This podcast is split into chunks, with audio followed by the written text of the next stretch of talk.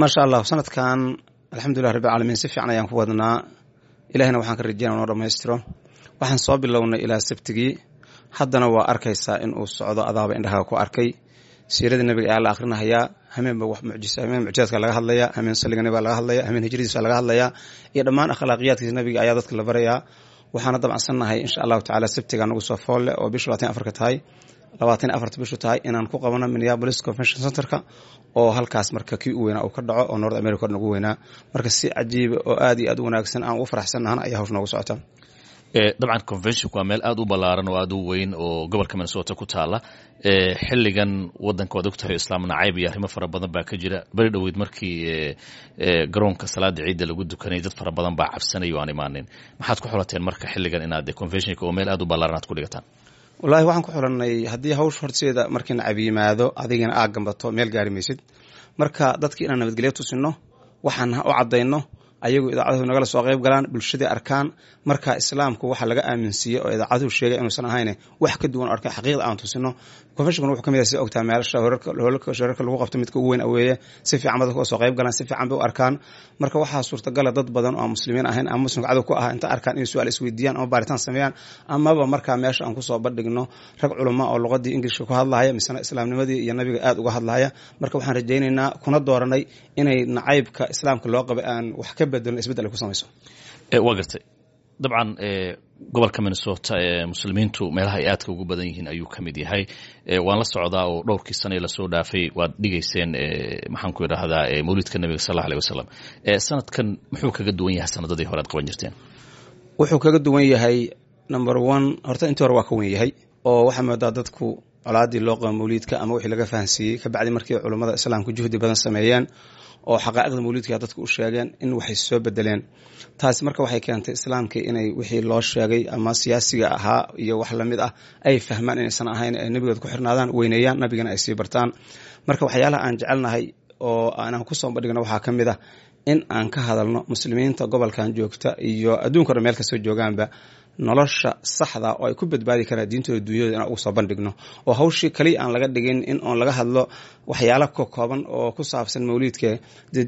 Diinta dhan waa mawliidka nebiga. Qur'aanka dhan nebigu ka hadlahaya marka inaan baahida muslimiinta soo bandhigno oo sidii aan ku badbaadi lahayn oo anakoon islaam nabadgalay oo fiican oo dariiq ugu noolaan lahayn brogramyo sidaas ayaa la soo diyaariyey oo culamo badan aan dadka u soo xolna ay soo diyaariyeen. Marka waxaan rajaynaa qof kasta oo ka soo qayb galaa inuu aad iyo aad isbeddel diiniya uu dareemo oo badbaado asiga naftiisa uu dareemo waxaa jirta culimo badan oo dhaliisha ama ka soo horjeeda in la sameeyo waxaan la yidhaahdo mawlidka adigu dadka qabadooda ah inaan mawlidku bannaanayn maxaad u sheegaysaa? Waxaanu sheegayaa horta mawliidku in la fahmaa fiican. Horta waa in la isku yimaado waa in nabigii laga sheekeeyo waa in dadkii alamru bilmacruuf wanahy almunkar loo sameeyo waa in dadkii meeshii duca ka dhacdo waa in nabiga la ammaano oo lagu ammaano ashcaar iyo wax la mid ah. Intaasina nabiga ayay ka sugnaadeen marka waxaan u sheegaynaa nabiga in la weyneeyo ilaahay baa weyneeyey. Magaciisu magaciisa la xiriiriyay oo qof soo islaami karaa ma jira haduusan nabiga isku shahaadan salaad qofka ansaxaysa ma jira haduusan nabiga uusan sheegin.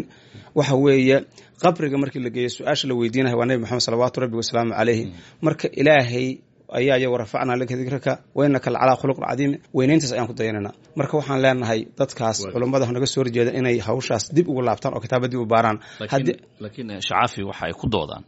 Waxay yidhahdaan waa bidco nebigu markuu joogama kamama sugnaanin in la sameeyo mawlidka isagoo jooga ma aanu dhigin dhalasho. Maxaad arrintaa uga jawaabaysa nabigu salawaatu rabbi wasalam waxaan uga jawaabahayaa in badanna inaad la socotaan umaleynahay markii la weydiiyey asagoo sam wuxuu yidhi waxaan u sama maalintii la i dhalay. Midda kale nabigu ma samaynin xujo noqon mayso oo nabigu waxa uu sameeyo uusa samayn oo kale macnaa baadil noqon mahayaan. Kun arrimood oo waxaa jirta maanta aan samayno qur'aankaas. Qoraal nabigu ma ogeyn xadiis qoran ma ogeyn sarfi qoran ma ogeyn. Mu'tamarada sanawiga oo aan qabsano leeyahay sanad hebel mu'tamarkaas la qabanahaya nabigu ma uusa ogeyn. Marka waxaan nabigu ma ogeyn xujo maahana waxaa xujo ah. Waxaani wixii nabigu kana khilaafsan yihiin waa waafaqsan yihiin. Waxaan leenaha waa waafaqsan yihiin. Qofkii aan ku qanacsanayna waxaan jecelnaa inuu nala kulmo ama meesha nagula kulmo ama na soo waco oo aan ka qancino ayaan diyaar shacaafi waxaa jirta oo aan meelo badanna ka arkay waddanka soomaaliya gudihiisa in sanadba sanadka ka dambeeya dabaaldegyadu ay sii ballaaranayaan marka aad eegto sanadihii dagaalada colaadihii markay dhaceen ilaa iyo waqti dhow sida hadda mawliidka loogu soo banaanbaxo ama aadka loogu weyneeyo waxaad moodaa waa dhexe sidaa arrinku ahayn. Maxaa isbedelay oo maalmahan iyo weliba dhowrkii sane hadda ugu dambeysay keena baad isleedihiin inay aad u badato meelaha looga dabaaldegayo xuska nabiga iyo mawliidka insha allah horta intaana waa ka sii badan doontaa sidaan ilahay ka rajeynayno waxa isbedelana waxaan is leeyahay dhowr waxyaalood baa ka mid ah. Number one dadka ka soo horjeeda mawliidka buluutika siyaasadeed oo diinta lagu dabaqaya ahayd. Hadda siyaasadiina waa laga daba tegey baaritaan baa la sameeyey waa laga daba tegey culimmadii ayaa caddaysay. Kabacdina waxaa culummadu soo bandhigeen dadka culimmadaha oo dhan qof dhigay iyo qof taageeran ay yihiin. Waxa ka soo horjeedaan ay qarni dhow yihiin taas waa la ogaaday. Tan kaleeto markii horeeto culummada xafladaha xaflad qalqaalinaysa oo ahlu sunnat waljamaaca si khaasa ay guryahooda meelaha ay u dhigi jireen markii la tagfiiriyey oo laga soo horjeestay oo lagu baadil xugmeyey ayay ku khasbaneen in bulshadii soo dhex galaan oo bulshadii kulmiyaan oo bulshadii adiladii u sheegaan.